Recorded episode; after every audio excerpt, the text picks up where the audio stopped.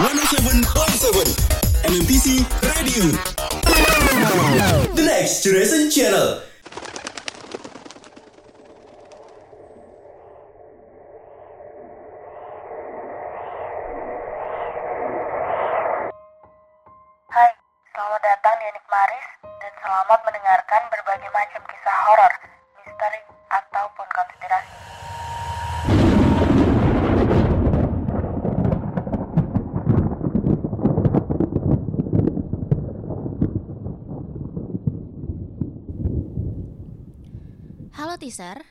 Selamat datang dan selamat mendengarkan kembali podcast Enik Maris. Di minggu ini, pada podcast mixtape, Tika bakal nemenin teaser di segmen yang ditujukan untuk para pecinta cerita misteri, horor, ataupun konspirasi, yakni program Enik Maris Let's Break the Code and Mystery. Di bulan Oktober ini spesial Enik Maris ditemenin sama teaser yang langsung bakalan sharing tentang kisah horornya. Kira-kira siapa ya yang bakalan cerita bareng Tika di sini? Ada Rafli Givari bareng kita di sini. Halo teaser. Halo Rafli, boleh nggak diperkenalkan dulu? Oke. Jadi kenalin nama gue Rafli. Eh, gue berasal dari Jakarta. Cuman gue udah enam tahun nih nggak di Jakarta karena gue sekolah di sekolahnya nggak di Jakarta gitu.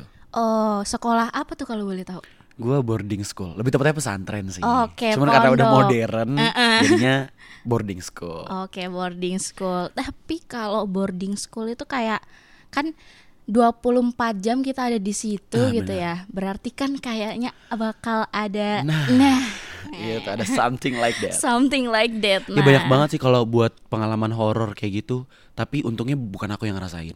Ah, Jadi kayak uh, banyak dari teman-teman aku yang ngerasain juga karena emang kita hidup di sana kan. Iya. Udah gitu apalagi kita berusaha untuk mengkuatkan iman kita di sana. Iya. Terus apa namanya? Apalagi uh, pondok pesantrenku itu masih tergolong uh, di daerah lah, di suatu daerah gitu, bukan yang di perkotaan banget. Jadi masih nyatu sama hutan, belakangnya masih ada gunung kayak gitu. Oke, oke, I see. Nah, teaser kira-kira penasaran nggak sama kisah horornya Rafli di pondok waktu SMA ya? Iya. Oke, mari kita simak aja langsung kisah lengkapnya.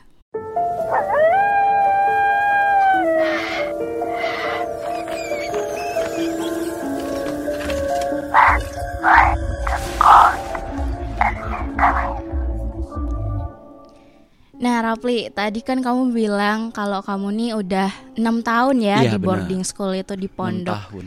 Berarti kan banyak banget tuh seluk beluk atau mungkin hal-hal yang kamu rasain, mungkin dari tahun pertama atau mungkin selama kamu Hmm. berada di situ gitu tuh pernah nggak sih kamu ngerasain itu?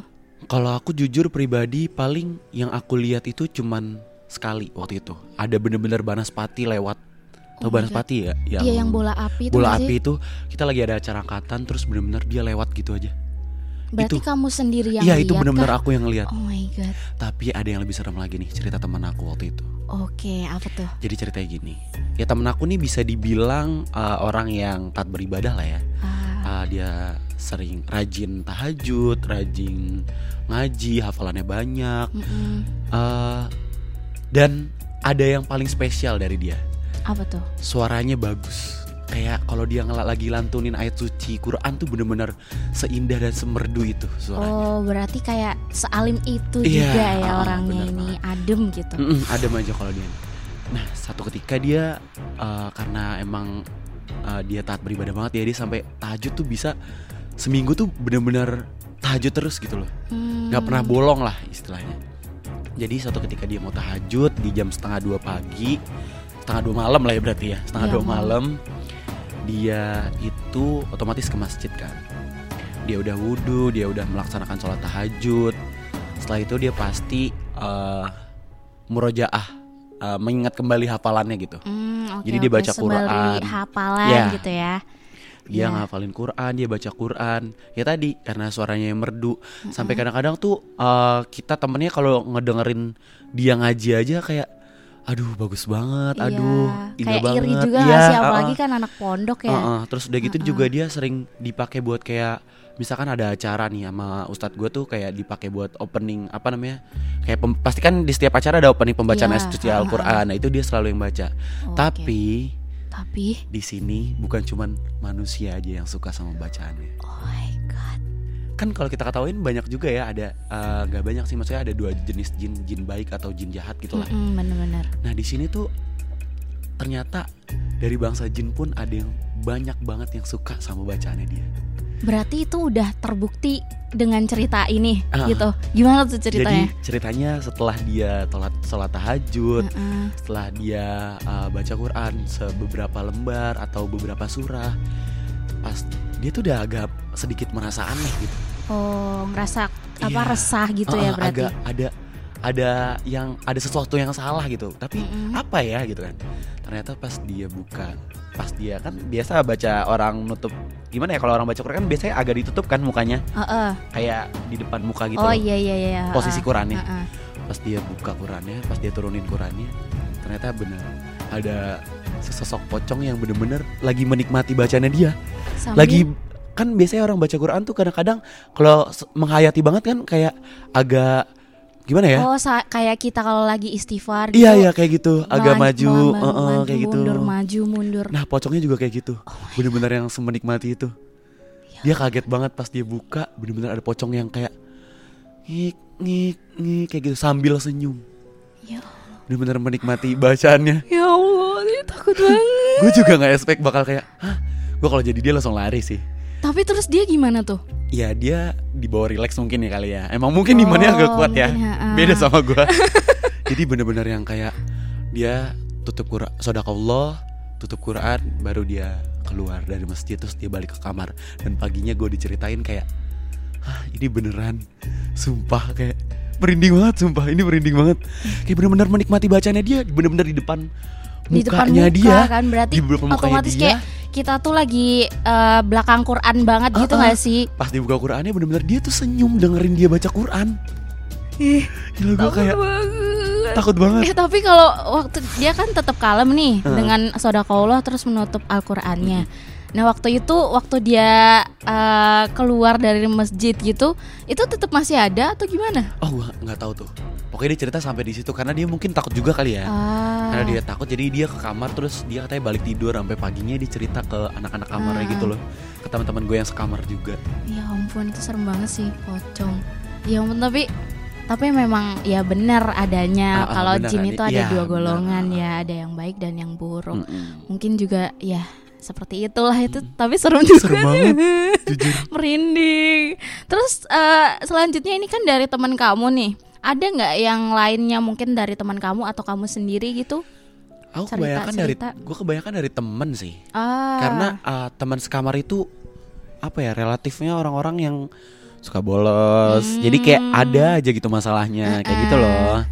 Kalau gue kan alhamdulillah rajin. Oh, gitu oke, kan. oke. Nggak pernah kabur, nggak pernah bawa handphone gitu. Ya tapi tapi gini kan kalau eh, sebuah sekolah kita kan kalau sekolah Mhm. gitu kan pasti ada legendanya kayak misal dia bekas rumah sakit bekas Ha-ha. apa nah tapi kan bedanya sekolah sama pondok sekolah itu kan kita nggak stay di situ terus Iya, kan kalau pondok kan kita stay di situ 24 terus nah apalagi. Eh-eh. apalagi kalau ada kegiatan yang bolos nih Pasti kan otomatis dia di kamar sendirian Nah. dong, karena teman-temannya ikut kegiatan. nah itu Nah, ada lagi nih Ada nggak cerita dari cerita? teman aku. Tapi ini bukan sendirian, karena emang dia awalnya udah sakit kan. Jadi dia tuh Ah. sakit ya demam lah, kayak demam. Terus malamnya itu eh, di suatu malam, jadi eh, kamu tahu gak sih kalau misalkan eh, di pondok itu kan biasanya pakai ranjang ya, oh iya ranjang tingkat ranjang gitu loh, tingkat, Heeh, ranjang eh, tingkat gitu kan ada kasurnya. Iya. Cuma nih teman-teman kamar aku kadang-kadang suka kayak, aduh males deh kalau tidur di ranjang Atas, atas, uh-uh, karena kan mager gitu takut kan. dibangunin gubrak-gubrak Oh, iya, gubrak-gubrak iya, takut iya. eh, kelamaan, gitu. Kelamaan. Akhirnya dia turunin kasurnya tidurnya di lantai, Hmm. tapi pakai kasur. Nah kebetulan teman aku yang lagi sakit ini temen eh, itu dia apa namanya tidur di ranjang bawah. Jadi yang di atas itu diturunin Ah, gitu. ah, enggak enggak. Jadi oh, dia yang ranjang bawahnya. ranjang bawah emang ranjang Ah, bawah. ah. Cuman yang beberapa orang yang di ranjang atas, teman-teman Iya. gue yang di ranjang atas ini diturun ke bawah di Oh, lantai. Oke, oke. Jadi kan eh, pada suatu malam itu dia emang lagi sakit demam banget. Awalnya tuh eh, ya gimana sih? Ngerti gak sih kalau orang sakit tuh biasanya susah tidur, Iya, kayak susah tidur, uring-uringan, kayak gelisah, iya, kayak, gitu gelisah, kan. terus pikirannya kayak ke mana-mana Nah, gitu, itu. mimpi pun kayak aneh gitu Nah, kan. itu. Heeh. Jadi eh, dia baru berani ceritain itu setelah dia sembuh. Jadi Ah, pas malam itu eh, dia tuh yang teman-teman gue udah pada tidur. Mm-mm. Dia tiba-tiba ngelihat ada orang ngetok-ngetok di kaca. Tok, tok, Oh, tok, jadi tok, tok, di kamar kalian itu tok. ada kaca. pasti ada kaca. Pasti ada kaca. Oke. Ada yang ngetok-ngetok gitu kan. Dia sebagai lumrahnya manusia ya penasaran dong. Heeh. Kayak ya dia cuman ngelongok gitu. Mungkin badannya kurang fit juga jadi malas kalau buat Iya, keluar atau heeh. gimana. Jadi dia ngelongok. Ternyata yang dilihat bukan tangan manusia. Kayak tangan hewan gitu loh. Eh. Kecil. Gimana ya? Kecil kayak putih mungil. Dia kirain kayak kucing. Kucing lucu gitu loh. Kirain kayak oh tangan kucing atau gimana atau kaki kucing gitu loh. Eh, tapi kok Tik, bisa kebayang gak sih Kayak jendela jelas. jendela kamar heeh. tapi masa ada kucing ngetok-ngetok Iya nggak mungkin juga sih. ya kan Kalaupun Udah, merinding kucing juga ya, nih. kalaupun kucing ya, aku kan kebetulan punya kucing ya di Hmm. rumah. Pun kalaupun dia ngetok-ngetok itu nggak kayak gitu, pasti kan dengan cakarnya dan Ah, juga ah. Nah, suaranya emang sejelas itu. terus dia benar-benar yang ngetok dengan irama tak tok tok tok tok gitu loh maksudnya kayak Oh ada iramanya gitu Ah. benar-benar kayak manusia atau kayak ya manusia ngetok itu aja kalau kucing kan paling ngetoknya nggak jelas atau Iya gimana kayak sih? krek krek krek kayak gitu. akhirnya dia udah kayak aduh ada yang salah nih Heeh. akhirnya dia ya udah meremin mata gitu kan terus kayak ya udah layak orang sakit juga dia gelisah kan akhirnya Iya, kayak nggak bisa tidur bisa gitu. tidur. ternyata tik Ternyata pas dibuka mata di sebelahnya tuh kan tadinya kan teman-teman gue pada tidurnya di bawah di bawah di kan bawahnya pakai dia. kasur itu kan ha. Heeh. Lo tahu jadi ada tiga orang di bawah. Iya. dan lo tau apa yang lo lihat dia lihat? Apa? ada seekor monyet kayak Hanoman gede banget. Bulunya putih lebat. Tapi mukanya kayak apa ya yang manusia purba zaman dulu gitu loh. Oh. Bener-bener serem banget tau nggak dia ngapain Ngapain? dia ngelilingin teman-teman gue yang tidur di bawah Itu segede itu. segede itu terus dia bilang kayak kayak gitu dia kayak apa gitu kan kayak aduh apa ini gitu kan Ah, dia mungkin setengah sadar kayak ini Ah, nggak ah. mungkin beneran gitu Iya, kan. kayak nggak mungkin beneran, tapi dia bener-bener nengok akhirnya Heeh. dan dia pastiin bener. Dan asal lo tahu tik, Apa? akhirnya mereka tatap-tatapan. Terus habis itu gimana? ya udah karena udah ketahuan tatap-tatapan ya, Terus habis itu dia tutup pakai selimutnya. Karena orang sakit pasti pakai selimut Ah, kan, karena iya, iya, kedinginan kan. heeh. Apalagi daerah refleks.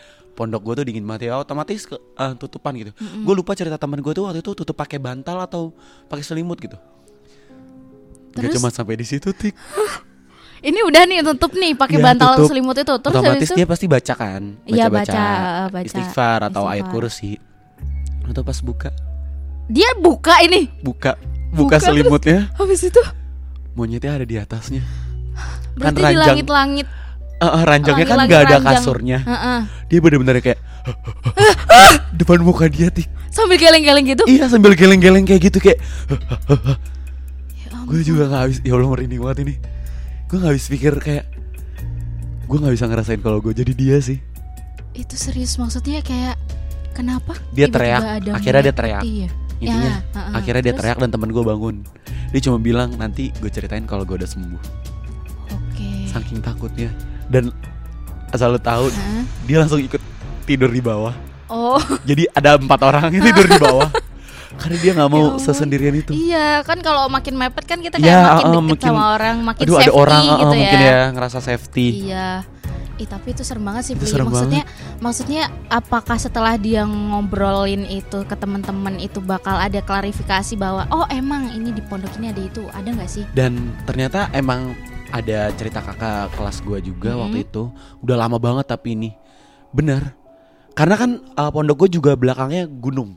Oh. Ada gunung gitu. Bener-bener deket banget. Jadi kalau pemandangan gua setiap hari berangkat sekolah, berangkat ke Mm-mm. masjid, itu selalu gunung yang gue lihat. Jadi kayak masih banyak cerita-cerita mistis Iya, dan yang, yang, lainnya gitu yang lah. masih budaya Iya, banget masih budaya gitu, banget. kental gitu.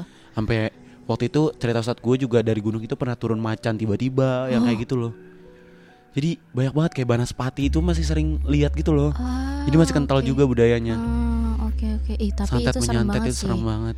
Tapi tapi eh, by the way nih kalau boleh tahu yang soal kera putih ini Mm-mm. kera ya kera Iya. atau monyet sih Kayak jatuhnya kayak Hanoman ya kera atau monyet sih? monyet sih gede ya Iya gede ya. banget. heeh. Iya kayak gitu itu sebenarnya ada filosofi di cerita kakak kelasmu gitu nggak?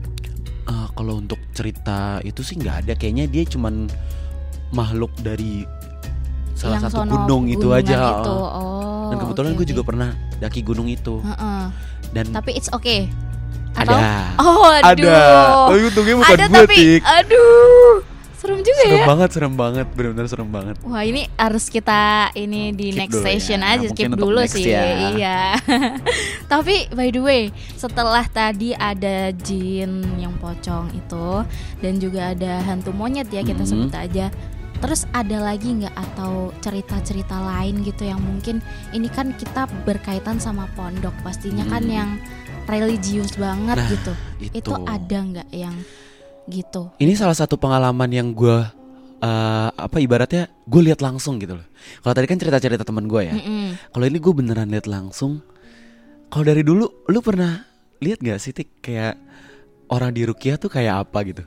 Kalau aku secara langsung banget itu belum pernah. Nah, kan. Cuma kalau dari TV Film pernah. gitu, Iya, TV film, gitu TV kan. itu pernah Nah ini gue bener-bener lihat langsung Tik. langsung. Ya mungkin buat beberapa orang eh Rukiah yang udah pernah ngerukiah atau pernah ngeliat orang Rukiah itu biasa aja mungkin atau oh ya udah Rukiah doang. Mm-mm. Tapi ini gue diawali dengan cerita seramnya dia Wah, temen gue ini.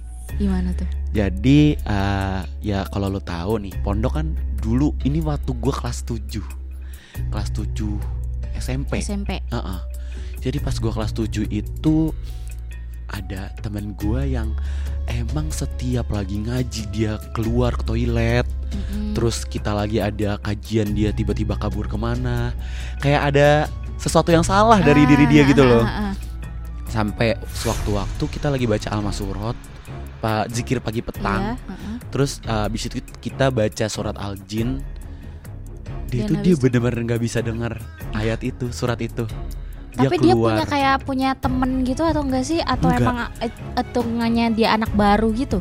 karena kita mungkin anak baru ya kelas 7 Ah, jadi oke, kayak oke. mungkin belum saling kenal atau segala Ah, macam ah, gitu mungkin tapi kalau iya. tahu orangnya gue tahu gitu loh Mm-mm. jadi dia tuh bener-bener kayak kita bacain surat al-jin aja dia tuh bisa menghindar Hmm, Gitu loh. Gusar gitu ah. kali ya. nah waktu itu tuh kita punya namanya angkatan kan Mm-mm. Nah, ketua angkatannya ini otomatis yang eh, ibaratnya yang ngenaung, yang ngenaungin kita semua gitu. Mm-mm. Satu angkatan itulah.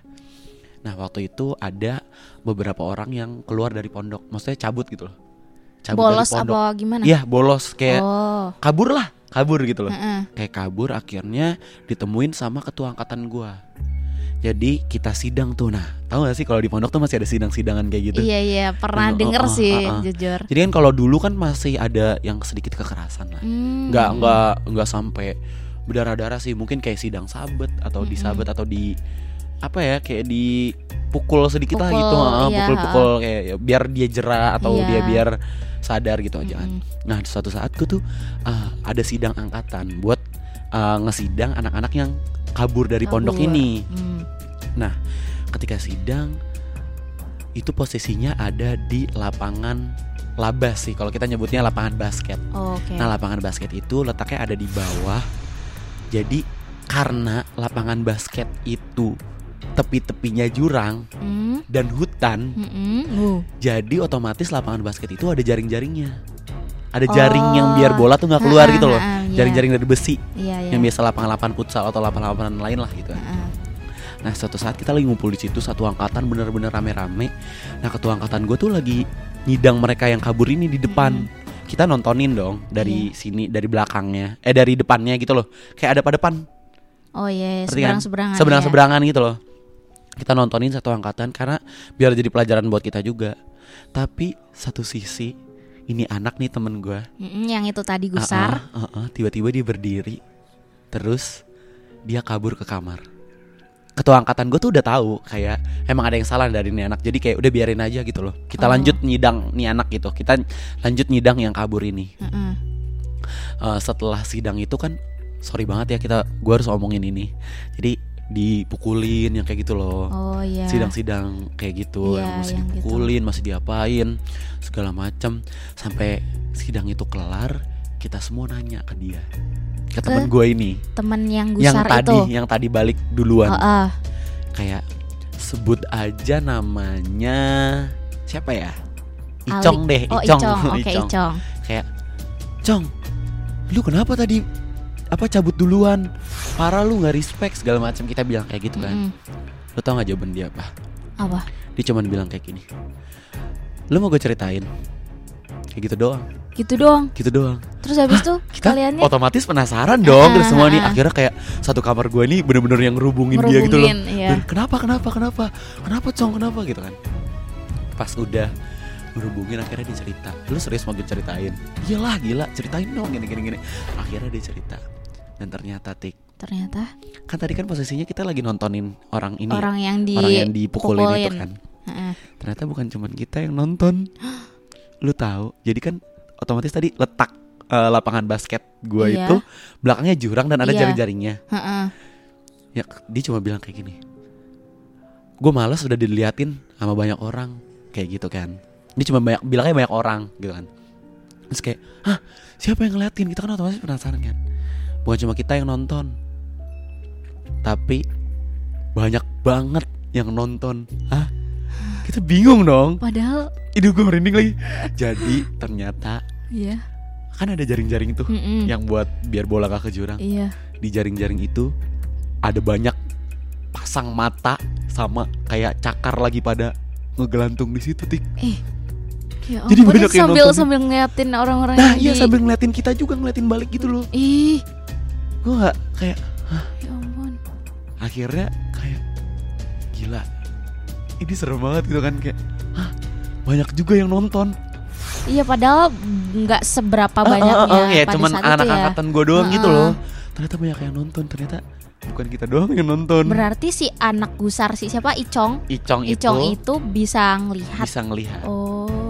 Dan akhirnya akhirnya Ustadz gue tahu nih ah. gitu kan Ustadz gue tahu jadi kayak sama Ustadz gue coba dilakukan rukyah atau kayak exercise lah kalau kita nyebutnya gitu kan Hmm, kita si Icong ini. positional kita nyoba eh, Ustadz gue itu nyoba buat di rukyah gitu kalau di Hmm. agama kita kan rukyah ya Iya. uh, Rukiah Ustadz gue tuh nggak expect bakal kayak dia bakal se kesurupan itu Mm-mm, kayak si cuman Icong ini. Uh-uh, si Icong ini Mm-mm. kayak kayak biasa lah ternyata semeledak itu rukiahnya dia dan gue ada di situ gue ngeliat dia yang bener-bener Itu kayak orang rame-rame kah yang ngeliatin Icong ini atau gimana waktu, waktu itu?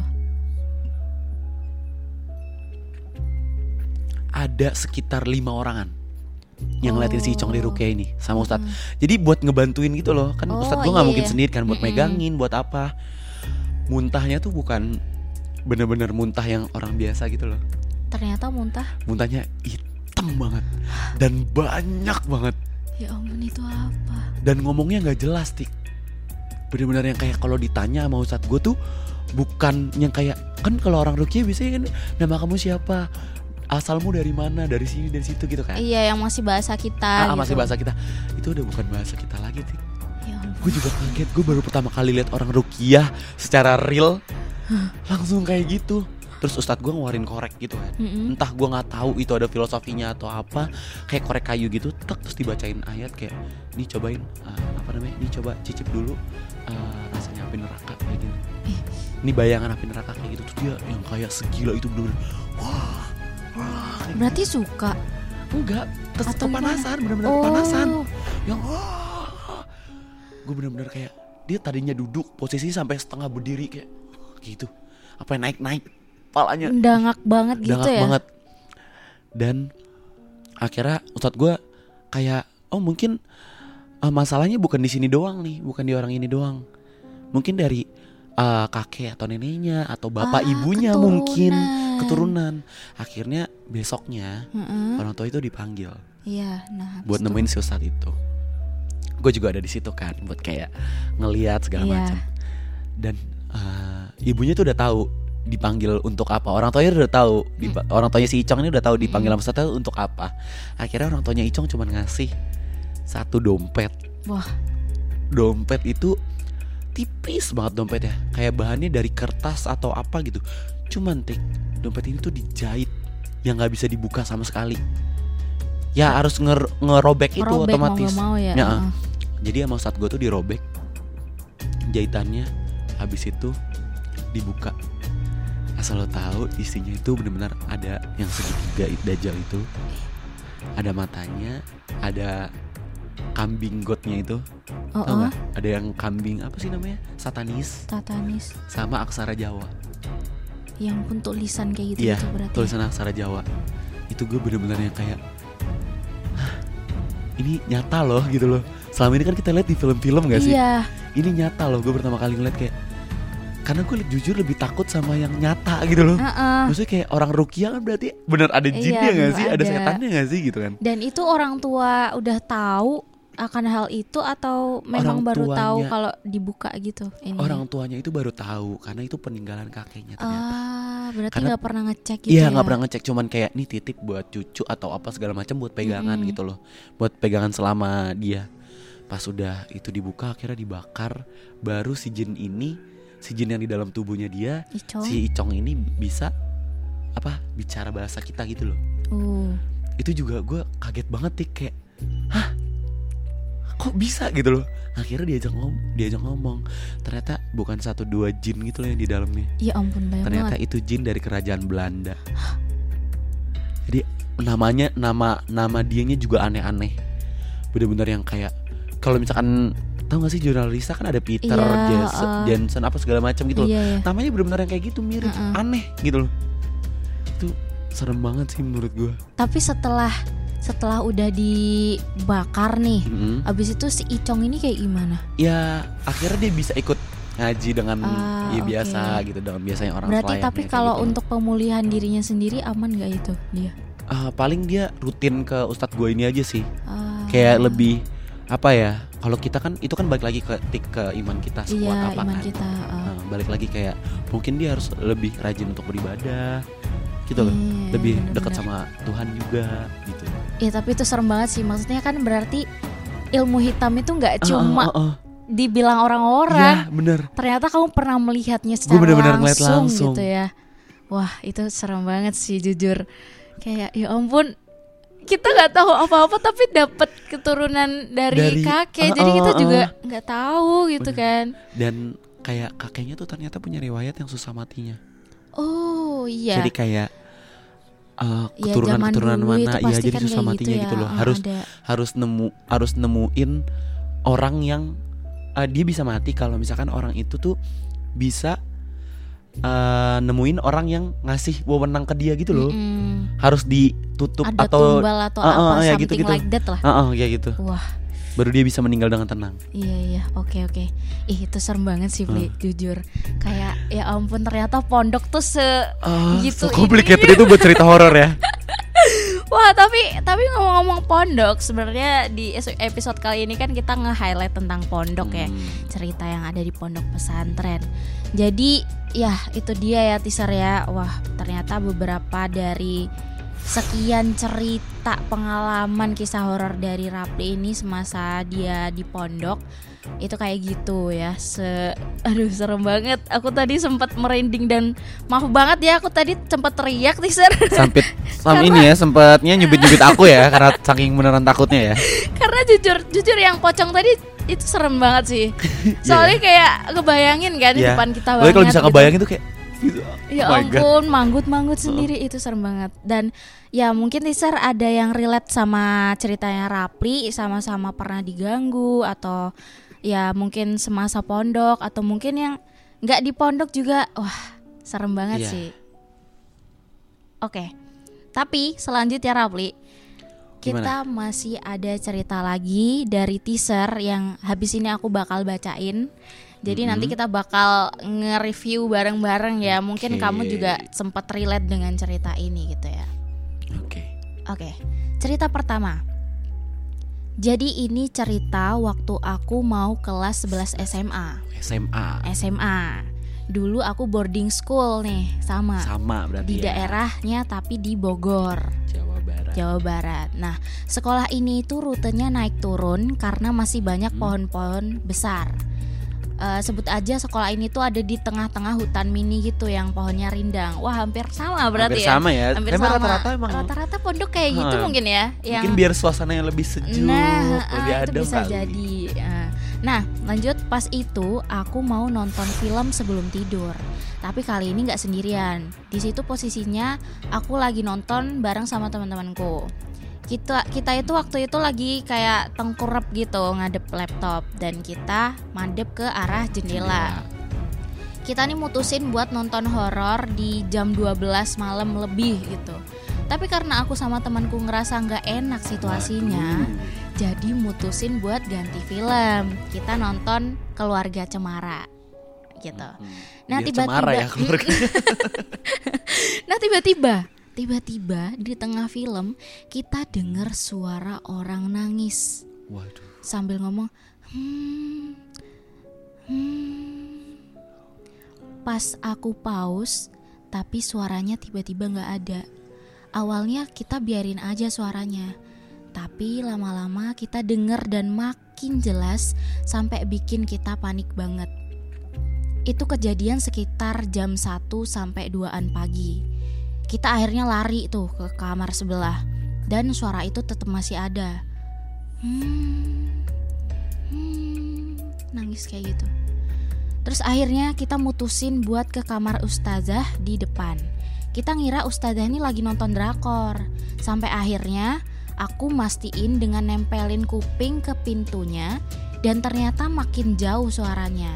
Yang katanya orang itu kalau jauh berarti deket atau mungkin sebaliknya, ya nggak sih Pli? Nah, abis itu kita lari nih balik ke kamar kita dan gak tidur sampai subuh. Keesokan harinya ke rumah penjaga asrama kita itu mastiin Suara tentang itu, suara itu, ya. Heeh, yang nangis itu semalam. Dan bapak penjaga itu bilang, oh alah, itu mah udah biasa neng. Ding, kita nggak berani lagi nonton malam-malam.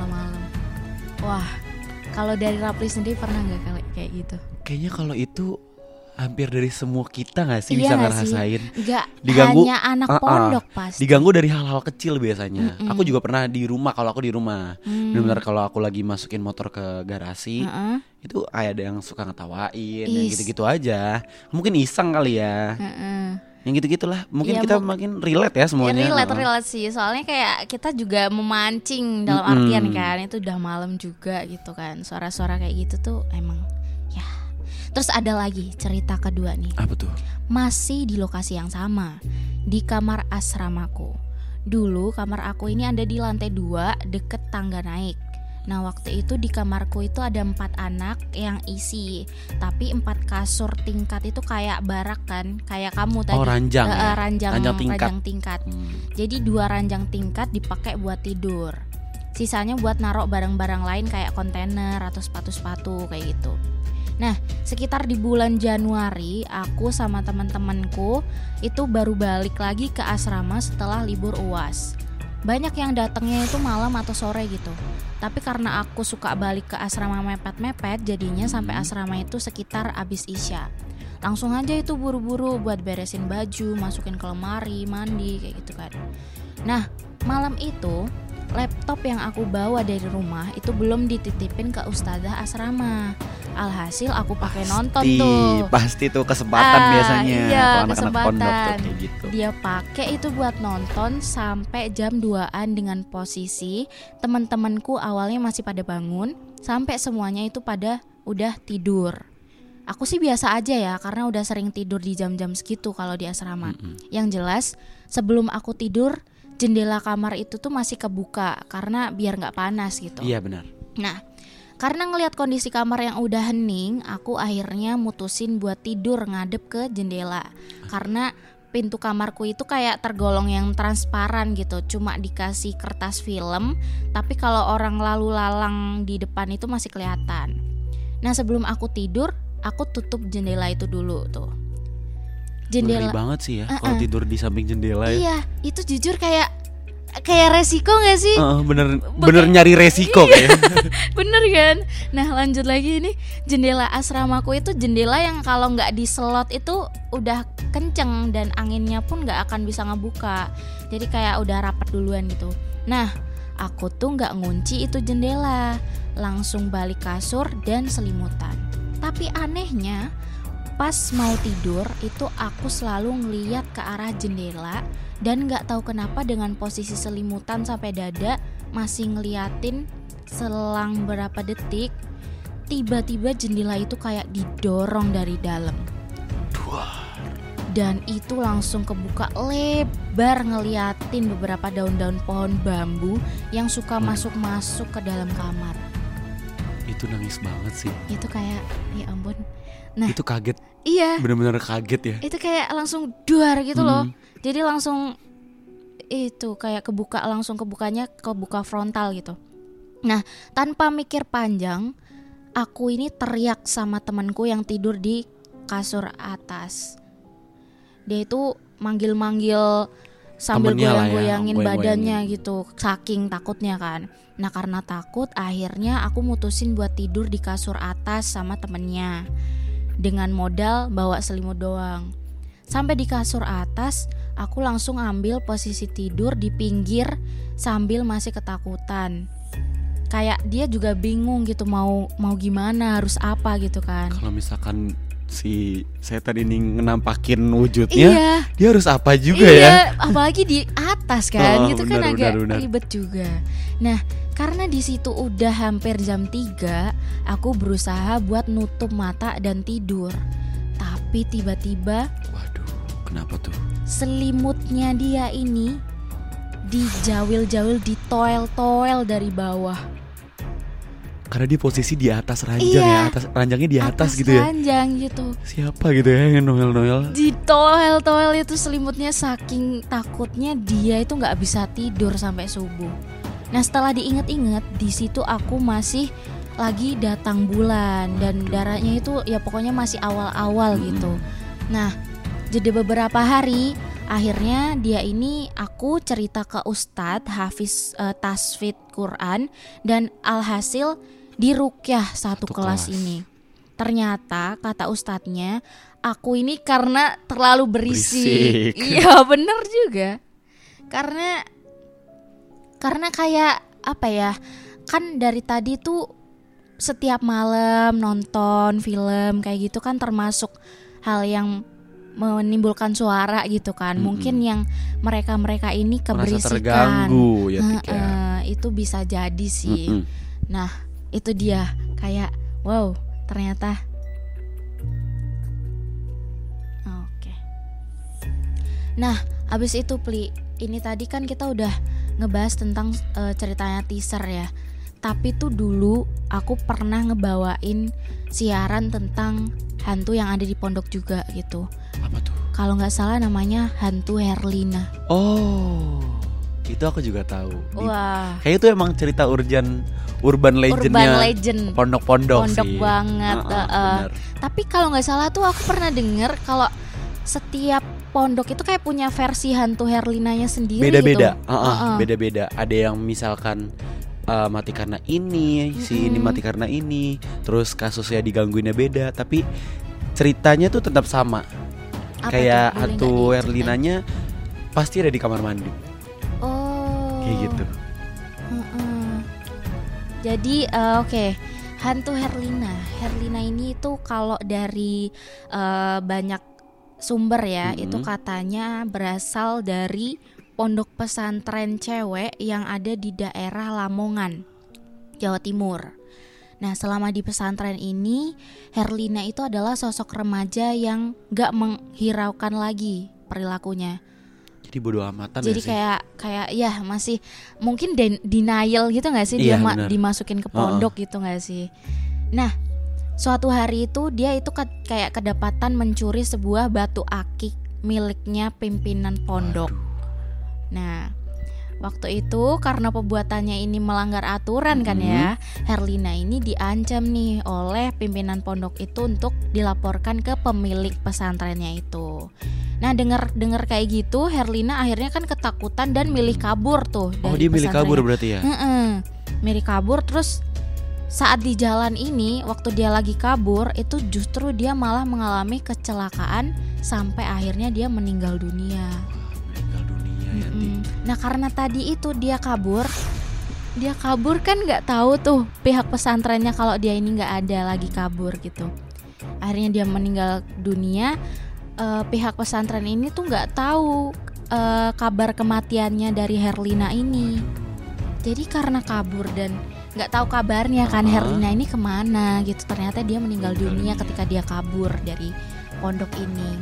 Nah karena itu karena pihak pesantren nggak tahu orang tuanya kan nggak terima nih. Lah anakku Oh, meninggal. Iya. kok pihak pesantren nggak tahu? Kayak gitu kan. Orang tuanya pun mendatangi seorang dukun sakti di daerahnya. Waduh, ini sebenarnya agak aneh sih. Agak mistisnya mistis ke ke belok dikit Belok gitu ya, maksudnya kan ha-ha. orang tua tuh masukin pondok pesantren pesantren. untuk menjadi positif bener banget. Tapi orang tuanya sendiri ketika anaknya ini malah datengin dukun sakti. Itu agak belok dikit sebenarnya, tapi ya kita baca lagi. Nah, eh, orang tuanya Herlina ini membalas dendam pihak pesantrennya Herlina ini. Akhirnya dukun sakti itu mengirimkan sosok yang mirip Herlina Mm-mm. ke pesantren itu sesuai dengan transaksi harga yang udah disepakati sama orang Waduh. tuanya Herlina ke dukun itu. Nah, si dukun ini tuh pesen kalau setiap malam Jumat Kliwon, hantu Herlina ini harus diberi minum darah agar sosok jin yang menyerupai Herlina itu tetap bisa hidup. Jadi singkat cerita nih, hantu Herlina ini kembali ke pondok Oh, tapi pihak pondok ini nggak tahu kalau Herlina itu meninggal pun menerimanya kembali gitu. Jadi yang ditahu sama pondok ini adalah sosok mirip Herlina Iya, itu. tadi jelmaannya lah ya. Jelmaan yang jadi kesepakatan Mm-mm. antara dukun Dukun dan, dan orang tua. Nah, gitu. Jadi kayak di kamar pesantrennya Herlina ini udah nggak terasa kayak biasanya kan. Temen-temennya Herlina pun ngerasa ada yang janggal nih sama Mm-mm, anak ini sama anak gitu. ini, ya. gadis itu kan kayak kelihatan pucet kayak udah nggak bener lah itu. Bahkan tasnya Herlina sendiri ini baunya udah busuk gitu. Itu serem banget sih. iya kayak pasti suspicious banget gak sih jadi temen? Ini temen aku kemarin perasaan it's oke oke aja gitu kan. Tapi biasanya udah hilang gitu. Nah karena penasaran teman-temannya ini akhirnya buka tas itu dan ditemukan banyak darah di dalamnya Itu shock banget sih teman-teman ya. Iya, teaser ya ampun. Nah, di suatu malam nih, Herlina ini minta pengurus pesantren untuk nganterin ke kamar mandi. Tapi setelah dua jam lebih, Herlina ini nggak keluar-keluar tuh dari kamar mandi. Akhirnya kan pengurus-pengurus pesantren sama temen-temennya ini terpaksa kayak dobrak pintu kamar mandi itu. Dan ketika pintunya udah kebuka, kret, ternyata sosok hantu wanita berpakaian merah bertaring tiba-tiba dia tertawa. Itu serem banget sih, Tik. dan akhirnya orang-orang di situ langsung lari kan. Ketakutan mereka. Dia langsung mereka semua langsung ngelaporin ke Pak Kiai. Kemudian Bapak Kiai ini nangkap hantu itu lalu dimasukkannya ke dalam botol dan dibuangnya itu sejauh mungkin. Pokoknya kejadian ini tuh bikin pihak pesantren tahu kalau Herlina ini ternyata udah meninggal dunia gitu. Jadi ya itu. Karena banyak hal-hal yang ganjal sehingga eh, ya itu kayak bikin pondok pesantren ini jadi oh oke ini adalah sosok hantu Herlina bukan Herlina lagi tapi ya itu tadi ya Pria ternyata banyak, uh-uh, versinya, uh-uh. Heeh, dari han- cerita hantu Herlina ini Oh iya, Tik ngomong-ngomong nih ya. Heeh, Untuk tadi kan dia kalau Herlina ini kisahnya dia kabur terus meninggal ya. mm-mm. Aku boleh ceritain satu lagi nggak? apa tuh Jadi ini sebenarnya lebih kesedih sih. Ini sedih banget tapi agak horor. wah boleh Karena waktu itu pas perpulangan, ini eh, dia angkatan di atas aku satu tahun. Mm-mm. Jadi waktu itu eh, lagi kepulangan semua santri nih, Mm-mm. eh, kan excited lah ya, namanya santri mau liburan mau heeh. pulang. Cuman gak ada yang tahu tik itu adalah hari kesedihannya bagi seseorang temenku, kakak kelasku ini. Oh, oh, kenapa tuh? Jadi ah, waktu itu kita semua udah dijemput nih saat pulang. Ada yang dijemput, ada yang naik transportasi umum. Mm-mm. Cuman ada satu anak kakak kelasku ini eh, cewek, dia mau dijemput sama orang tuanya. Nah, terus Sampai sore pun orang tuanya tidak datang. Waduh, Gak datang tuh lama lah gitu. berarti dia udah nungguin ah, dia nungguin sampai teman-teman yang teman-temannya yang lain sampai semuanya tuh udah pada pulang. Mm-mm. Cuman mungkin sisa beberapa orang-orang yang jauh. Orang-orang jauh kayak orang luar pulau Oh, yang belum oke, pulang. Mungkin dia nunggu tiket pesawat atau segala macam. Iya. Tapi kalau ini dia orang Jakarta. Dia lagi nunggu, akhirnya ditelepon orang tuanya pakai HP wali asrama. Ada namanya wali asrama kayak yang ngurusin santri-santri gitulah, ustadz-ustadz Hmm. atau ustazah yang ngurusin santri. Mm-mm. Dia nelpon masih diangkat sama orang tuanya. Kayak, ya sabar ya nak, ke, uh, ka- apa kita bentar lagi datang, bentar lagi sampai. Ini udah di tol, gini gini gini gini. Itu sekitar jam 3 atau jam 4 lah Sore. sore. Mm-mm. Sampai Terus? maghrib pun akhirnya dia ketiduran lah sampai maghrib pun orang tuanya nggak datang belum datang Belum datang. belum datang Terus habis itu? akhirnya dia ketiduran kan sampai maghrib Iya. eh tiba-tiba nih tik ada yang ngetok pintu kamarnya jadi bayang-bayangannya dia tuh excited oh orang tua gue udah datang gitu kan? Ah, ah, ah. orang tua gue udah datang akhirnya gue pulang. Dia udah akhirnya dia kayak sergap banget buat ngemasin barang-barangnya. Dia buka pintu. Ternyata? Cuma ada jempol di depan pintu kamarnya. Jempol. dia shock banget kan ngeliat ada jempol. Jempol doang tik bener-bener jempol doang. Padahal ada yang ngetok-ngetok. ada yang ngetok-ngetok. Dia buang tas segala macem dia lari ke kamar temennya Berarti itu jempol nempel kah di Enggak jatuh aja di Oh, bawah jatuh. Ih. di bawah Ih, cuma jempol doang Ya ampun. akhirnya maghrib dia sholat maghrib eh, dia ke kamar temennya dulu habis itu dia sholat maghrib sampai jam 9 belum dapat kabar dari orang tuanya Mm-mm. dan jam 10 dia dikabarin bahwa orang tuanya kecelakaan dan meninggal Innalillahi. Kedua orang tuanya. kedua orang ya? tuanya Ya ampun. pas dia pulang dia ngeliat orang jempol ibunya udah nggak ada tik Ya ampun itu. Ini aku pengen nangis tapi mau Iya. merinding tapi mau nangis. jujur merinding sekalian kayak aduh sedih banget dia pulang harus keadaan dengan kayak ngelihat kayak gitu terus ibaratnya dia dikasih suatu hal apa ya Iya, hal kayak, serem gitu loh Eh, eh, berarti kan dikasih sinyal nih Iya, kalau ini bener. ibumu udah nggak ada, ada. kamu bangun nak gitu nggak Uh-uh. sih terus suruh itu suruh sholat berdoa lagi ternyata orang tuanya udah nggak Heeh, ada pas gitu dia ya pulang tuh dia benar-benar kaget banget sampai kayak jempol ibunya udah nggak ada. Ya ampun berarti yang banget. dia lihat tadi ketakutan atau apa itu bisa jadi atau pertanda aja atau ibunya kecelakaan atau gimana gue juga nggak tahu sih tapi itu yang jelas sedih banget. Gue nggak bisa ngebayangin. Itu jujur aku lebih ke 90% sedih, sih. heeh. soalnya karena yang harusnya kayak liburan sinyal gitu pulang kan. terus di- dia dikasih sinyal dengan tanda gitu itu nggak Ya tahu gue harus kayak buat gimana lagi. Aduh nyesek banget nyesek itu banget jujur. pasti. Aduh teaser. Ya ampun ini terlalu sedih banget Heeh, sih. sad story. Untuk sebuah closingan ini adalah sesuatu yang sedih sekali. Kalau dari tadi kita nanggepin cerita-cerita teman-teman yang Pondok tadi yang pondok yang lain, tadi heeh. ya mungkin beberapa kita juga ada yang relate mungkin ya dengan Iya, cerita. Apalagi anak pondok yang udah tahu kisah-kisah Herlina. Nah.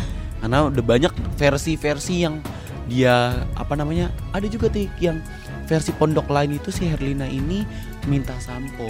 Oh.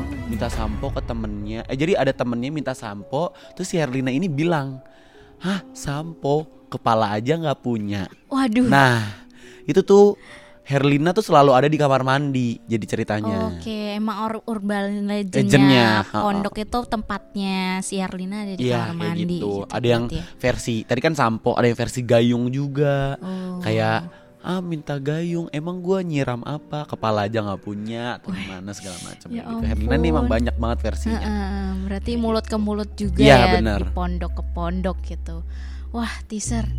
Itu tadi ya, ternyata banyak banget hal-hal horor yang mungkin kisah sampai bikin merinding.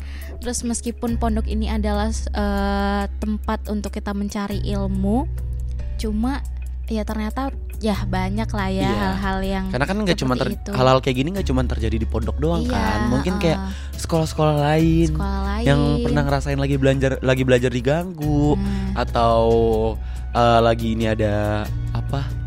Ada yang ada yang iseng, memang iseng atau gitu mengganggu kan. ya pasti Mungkin kan, kan karena pondok ini 24 per 7 nah, balik lagi. itu dan gitu teaser wah itu ya teaser ya ternyata banyak banget dan ya itu dia adalah habis-habis sih sebenarnya kalau eh, cerita cerita horor di pondok gitu loh. ya yang bisa kita ceritain hari ini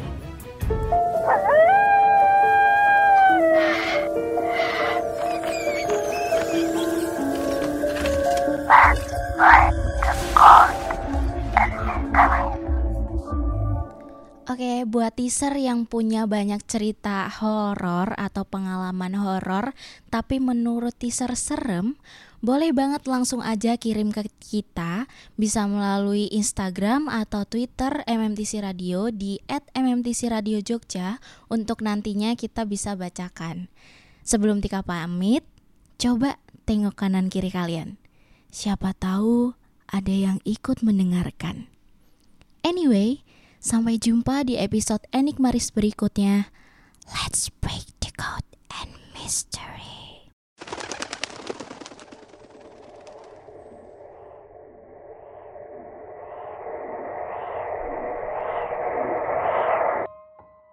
Hai, selamat datang di Enik Maris dan selamat mendengarkan berbagai macam kisah horor, misteri, ataupun konspirasi